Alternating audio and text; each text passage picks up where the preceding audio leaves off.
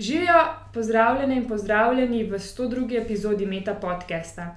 Z mano je Meta Voga z Inštituta za predklinične vede in laboratorija za genomiko na veterinarski fakulteti Univerze v Ljubljani. Sicer pa je upisana na doktorski študij veterinarska medicina.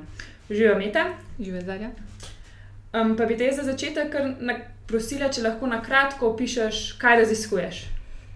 Ja, področje mojega dela, tako na kratko, so matične celice. Kot veš, so le te v zadnjih letih vzbudile ogromno zanimanja, tako v lajčni kot strokovni javnosti. In eden izmed razlogov za to je obed, da bo poznavanje njihove biologije vodilo v možnost zdravljenja različnih degenerativnih bolezni. In tudi jaz sem v bistvu preko podjetja Animacel, ki se ukvarja z zdravljenjem živali z matičnimi celicami, spoznala matične celice. Zdaj sem pa zaposlena kot mlada raziskovalka na veterinarski fakulteti in se ukvarjam izključno samo z raziskovanjem. Pri svojem delu uporabljamo matične celice iz maščobnega tkiva psov in pa mačk. Eh, in primerjamo njihove lastnosti med obema vrstama, in pa tudi med spoloma. Nas zanima, če so kakšne razlike eh, med psi, med mačkami, in pa tudi med spoloma pri obeh vrstah. Eh, drug del naše raziskave pa temelji na preizkušanju enega biomaterjala iz svile.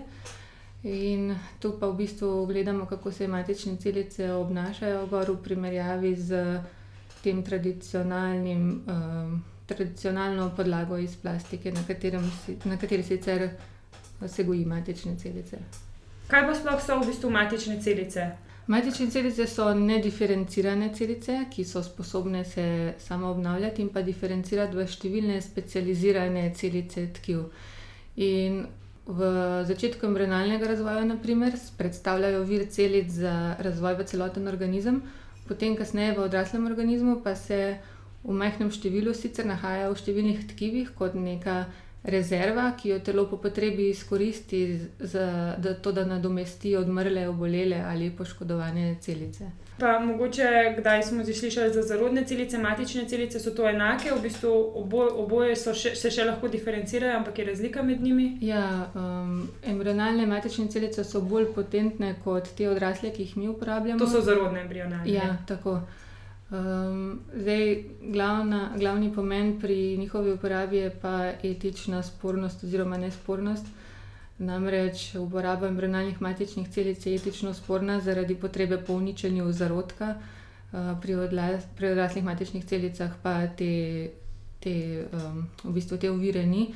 Pa tudi izolacija je veliko bolj enostavna, ja, pa tudi manipulacija in vitro je enostavna. In, uh, pridobi se jih lahko v veliko, veliko večjem številu, no, tako da je z njimi pač lažje delati. Okay, se se bomo tega potem še dotaknili, kako sploh pridemo do teh matičnih celic pri odraslih živalih, v tvojem primeru.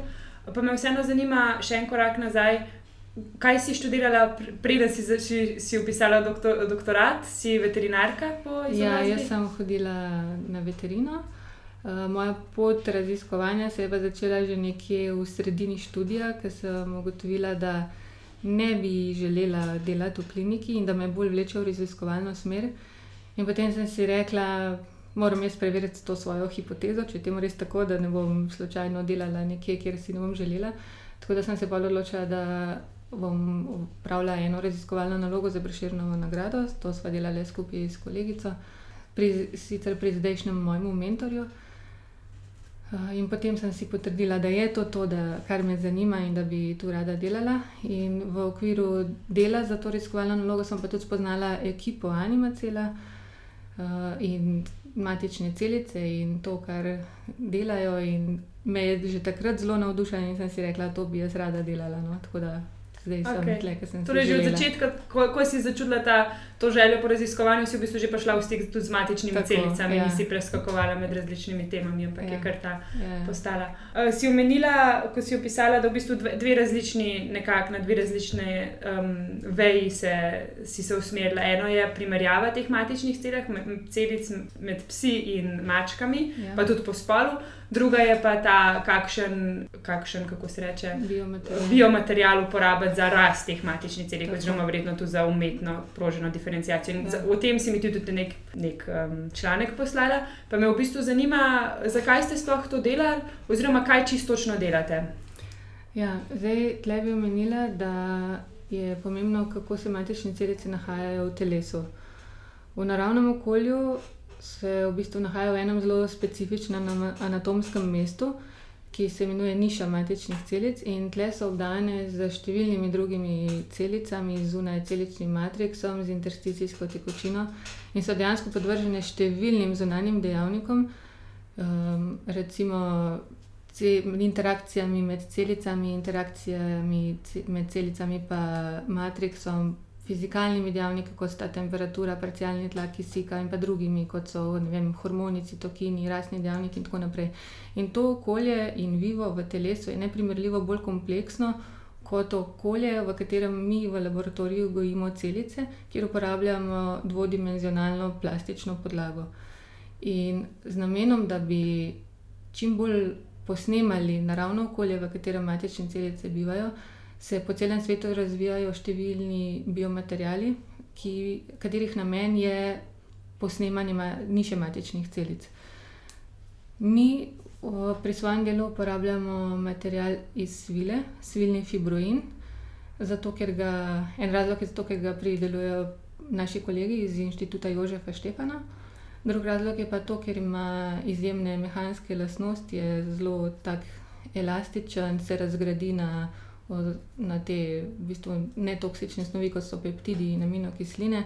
Lahko se ga tudi sterilizira zelo enostavno z običajnimi sterilizacijskimi postopki, in pa tudi oblikuje se ga lahko v različne materiale, kot so mreže, filmi, 3D, skafoldi, vlakna in tako naprej. Kar je pa najbolj pomembno, je pa to, da je biokompatibilen in ni toksičen v primeru, da se ga ustavi v telo. Ne? To je za nas pomembno. Um, kako pa potem, v bistvu, vi zdaj imate nek ta svilni, kako se imenuje? Fibroin. Fibroin. Kako pa potem, verjetno pa morate od nekje dobiti, prej si razložila, kje, so, kje je ta niša ja, matičnih ja, celic, ja. od nekoga, oziroma od nekje morate dobiti te celice, ki jih v bistvu sploh nanesete na ta. Aj, kako celice pridobimo? Ja, to me zanima, Aha. kako celice pridobite. Uh, celice pridobimo iz maščobnega tkiva, kar pomeni, da živih živali. Živih živali ja. pod anestezijo. Aha, okay. ja, veterinar naredi en v bistvu zelo mehen rez skozi kožo, približno 1-2 cm velik. Eh, da lahko izpod kože vzame en košček za konico prsta velik maščobnega tkiva. Mi to maščobo potem v laboratoriju mehansko in encimsko razgradimo in tako na ta način izoliramo matične celice, ki jih potem naprej namnožimo in se jih uporabi ali za zdravljenje ali za raziskave in tako naprej. Torej, potem, ko dobite od psa ali mačke, verjetno te celice, jih pa in jih um, zberete, izberete ven iz tega materiala, jih pa nanesete na, to, na ta um, nosilec. Nosilec. Ja. Ja, ja. In v vašem primeru je bil ta svilni fibro. Tako, in, fibro. Okay. in kaj se pa potem dogaja s tem? Čakate, da rastejo, da se, da se spremenijo ja, v nekaj, kar, kar ja. bi recimo nekdo rabil za terapijo. Verjetno te matične celice kot same. V tisti obliki, ko še niso diferencirane, se ne uporabljajo za terapijo. Ne? Ravno te se uporabljajo za Aha. terapijo. Mi smo pa v bistvu sploh nismo vedeli, kako se bodo matične celice obnašale na tem fibroinu. V bistvu na začetku, ko smo jih nasadili, se nam je zdelo, da se nekako čudno obnašajo, da se zbirajo ene skupke, nismo vedeli, kaj to pomeni.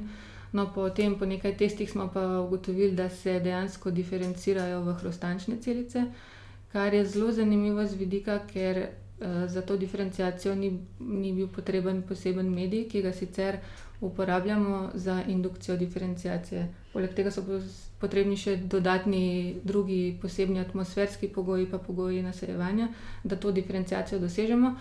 Na tem našem fibroinu so se pa, kako bom rekla, spontano diferencirale in to v precej kratkem času. No. V hrustančne celice. V hrustančne celice. Aha, in to je bilo v bistvu vse na teh filmih narejeno, ja, v bistvu vse ja. zunaj nekega telesa, ni bilo, ni bilo še ja. Ja, ja, ja, ja. Okay. Zakaj pa ne, če vi, recimo v zdravljenju, ne bi vi dobili te celice, jih razmnožili in grejo potem v bistvu še te nedefinicirane matične celice nazaj v, v tkivo, ki, je, ki bi jih recimo potrebovalo. Kaj pa je potem smisel tega, da se jih tudi goji na teh filmih? namen tega je ravno to, da bi v bistvu ustvarjali en material, ki bi čim bolj posnemal naravno okolje matičnih celic. Zdaj mi smo filme izbrali samo iz razloga, da smo jih čim lažje opazovali. Potem, ko smo dokazali diferencijacijo na filmih, se pravi, ko smo ugotovili, kaj se z njimi dogaja, smo uporabili pa tudi v bistvu uh, fibroin iz 3D mreže. Tako da smo celice gojili še v tem uh, eh, 3D okolju, ki je nekako malo bolj podobno naravnemu okolju, in so se enako obnašale. No. Mhm. Uh. In potem, ko, ko, prihajalo do diferencijacije, v bistvu tudi v tem 3D okolju. Tako, ja. In kaj bi lahko potem s temi diferenciranimi celicami, bi jih lahko tudi uporabljali za terapijo? Teoretično bi jih tudi lahko uporabljali prav za terapijo, recimo sklepnih obolenj, ampak eh, to še ni preizkušeno, nismo še tam.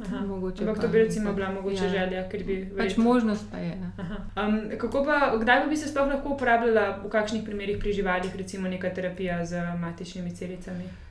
Eh, terapija z matičnimi celicami se že uporablja kar nekaj časa uh, in sicer uh, za zdravljenje predvsem sklepnih obolenj pri psih, pri konjih, tudi pri mačkah. Uh, v ta namen se uporabljajo v bistvu nediferencirane celice, ki jih pač dobimo iz maščobnega tkiva, jih namnožimo in potem namnožene celice v že pripravljeni siringi pošljemo nazaj k veterinarju, ki jih ta ubrizga v oboleli sklep. In te celice v tistem trenutku, ko jih imate vi, oziroma ko jih veterinar dobi, so še zmeraj nediferencirane. Ja, ja, in tako. se v bistvu nediferencirane ubrizga ja, v prizadet. Ja. In potem se predpostavlja, da je njihov terapevtski učinek pač posledica njihovega parakrinega delovanja, se pravi, delujejo uh, imunosupresivno in imun, zavirajo vnetje. In pa tudi, da se neposredno diferencirajo v odrasle tkivne celice torej tiste, kot, kot, ki bi tam pač pripomogli ja, k nekam zdravljenju. In dejansko so za rezultati res dobri. No. Res, tako, ja. Veliko zgodb obstaja o psih, ki so celo težko stopili na nogo, pa zdaj z veseljem hodijo na sprehode, skačejo in tako naprej. In v bistvu iz teh maščobnih celic, ki jih opisujete tam v, v članku, lahko nastanejo v, v primeru unetja, večinoma več, zanima, da, da bi se diferencirale v hrustančne celice. Ne? Um, nastanejo pa lahko tudi katera koli druga, mislim, lahko nastanejo katera koli celica, recimo tudi iz neke take matične celice bi lahko nastal ne vem, neuron, ali ne more, so omejene te iz možnosti. Teh uh, matičnih celic, ki jih mi uporabljamo, se pravi mezenhimskih matičnih celic iz maščobnega tkiva, uh, se načeloma lahko razvijajo v hrustančne kostne in pa dipogene. Uh, celice, to so tudi nekako merilo, da se jim lahko potem reče mezenhimske matične celice, oziroma eno izmed meril. Uh, so pa seveda objavljene tudi številne študije, ki so pokazale, da se diferencirajo tudi v druge, v druge tkivne celice, uh mhm. -huh. v, v nevrone, v mišične celice in tako naprej. V bistvu sem tvoja raziskava, oziroma tebe kot raziskovalca, spoznala, da sem na, na kliniki za male živali na njihovi spletni strani videla, da za klinično študijo iščeš v bistvu pse in mačke, obeh spolov. Tako. In sklepam, da je to moj, bolj s tistim prvim delom tvojega raziskovanja povezano. To je povezano s prvim delom. Ja.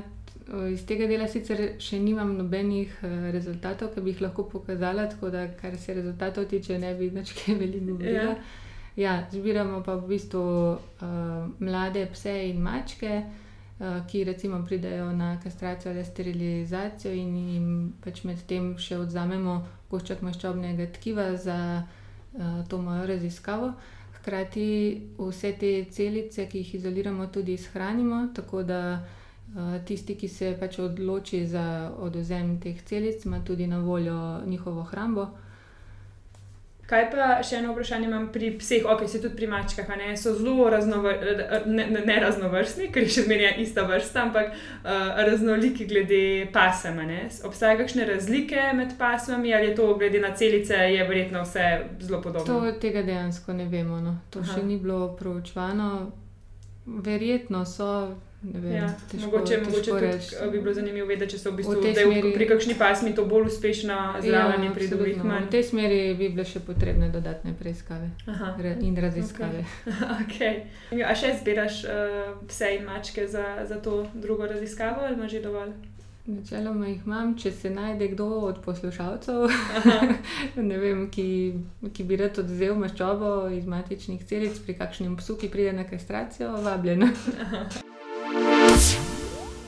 Ali se spomniš kakšne zabavne ali zanimive anekdote povezane s svojim mentorjem, ali pa morda kakšne nenavadne, smešne anekdote, ki se je zgodila tekom tvojega raziskovalnega dela v sklopu doktorata?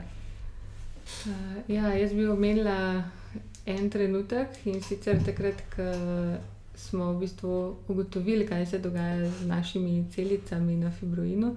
Bil je en, ne vem, mislim, da petek zvečer, ker nisem mogla čakati še čez vikend, da bi jih pobarvala, ker sem bila tako v bistvu vzhičena, kaj se bo zdaj zgodilo. Uh, in ko so se te celice barvale, ne modro, to pomeni, da sem potrdila, da se diferencirajo. Uh, sem takoj pisala mentorju, da ne me hitro pokliče, ker imam en rezultat. In me je klical nazaj še isto sekundo, kaj je ta, a imaš še pameten rezultat ali ne. To sem mu povedala, tako smo še nekaj časa debatirali. Ampak to so taki momenti, ki si jih zapomniš, ki te ženejo naprej, ki ti ulivajo entuzijazem za naprej. No. Ja, ja. Ki so v čudnih urah. Uh, ja, tako je. Ja. Um, kako so se od upisa do danes spremenila tvoje pričakovanja glede doktorskega študija in ali bi se ponovno odločila za doktorski študij? Jaz sem pričakovala, da bo kar veliko dela, da bo Eh, potrebne veliko organiziranosti, samo inicijativnosti, uh, da bo potrebne veliko vem, improvizacije, da se bom veliko naučila. Uh, vse to v bistvu sem dobila na doktorskem študiju, in če bi se mogla še enkrat odločiti, bi se zagotovo še enkrat odločila isto. Kaj boš počela čez pet let in kaj čez 40 let? Ja, zdaj za obe časovni točki bi podala kar isti odgovor. Jaz si zelo želim, da bi še naprej delala v, v raziskovalni sferi, po možnosti z matičnimi celicami, to bi bilo super, v, z eno ekipo pozitivno, entuzijastično naravnanih ljudi, da bi v bistvu lahko delala eno delo, ki me izpolnjuje, hkrati bi imela pa še vedno dovolj časa za svojo družino. Um, bi drugim doktorskim študentom predlagala kakšno tehniko za upravljanje s časom ali pa morda računalniški program, ki ti olajša delo pri raziskovanju in ti prihrani čas? Uh, ja, le bi jaz rekla tako. Jaz, kar sem se jaz naučila uh, v tem času, je to, da nobena stvar ne gre po planu. um, tako da jaz zdaj vedno, ko si delam en plan, si noter ukalkuliram čas, ki ga bom potrebovala, zato ker bo šlo nekaj narobe, oziroma ker ne bo šlo po planu. In potem na koncu, če si narediš ta plan, vseeno lahko rečeš, da je šlo vse po planu. Tako da to je kar tako. Uh, Dobra popotnica se mi zdi za planiranje. Pri, pri raziskovanju, pa mogoče še pri čem drugem tudi ne gre vse ja, po planu. Koga od nam znanih ali ne znanih bi povabila na večerjo, če ne bi bilo nobenih omejitev? Prvič bi povabila Elvisa Prislija, to zato, ker so njegove pesmi spremljale celotno mojo mladost. Drugič bi povabila kakega astrofizika, ne vem, recimo Neil deGrasse Tysona, ker se mi zdi, da bi bilo zelo fajn skozi njegove oči razmišljati o življenju nasploh. Pa tretjič, um, kakega psihoterapeuta, naprimer Zorana Miljovojeviča ali pa Andreja Perka z, z namenom, da bi skozi njegove znanje lahko malo osvetlila probleme pri vzgoji. Okay. Pač s tem se zdaj soočamo in uh, bi bilo fajn, no, tako malo predebatirati o, o s takim človekom nekaj v tej smeri. Okay, torej, tri, tri vsakega posebej, ne bi lani, lani sem imel eno gostjo, ki bi vse skupaj za mizo dala, pa po poslušanju debate ti bi vsakega posebej. Ne, po mojem, mojem primeru, ja. vsakega posebej. Ja. Ok, super, hvala mi ta. Prosim, hvala tebi. Poslušali ste Meta podcast, v katerem se pogovarjamo z mladimi znanstveniki in znanstvenicami z različnih področji znanosti. Podcast domuje na spletišču metinalista.si, kjer najdete tudi druge zanimive znanstvene vsebine. Naše delo lahko podprete z donacijo Metini listi, pohvale, pripombe in predloge lahko posredujete po e-mailu znanostafna.metinalista.si. Dobrodošli so tudi komentarji na Facebook profilu Metina liste in na Twitterju afna Metina lista, kjer uporabite hashtag metapodcast. Se slišimo čez 14 dni.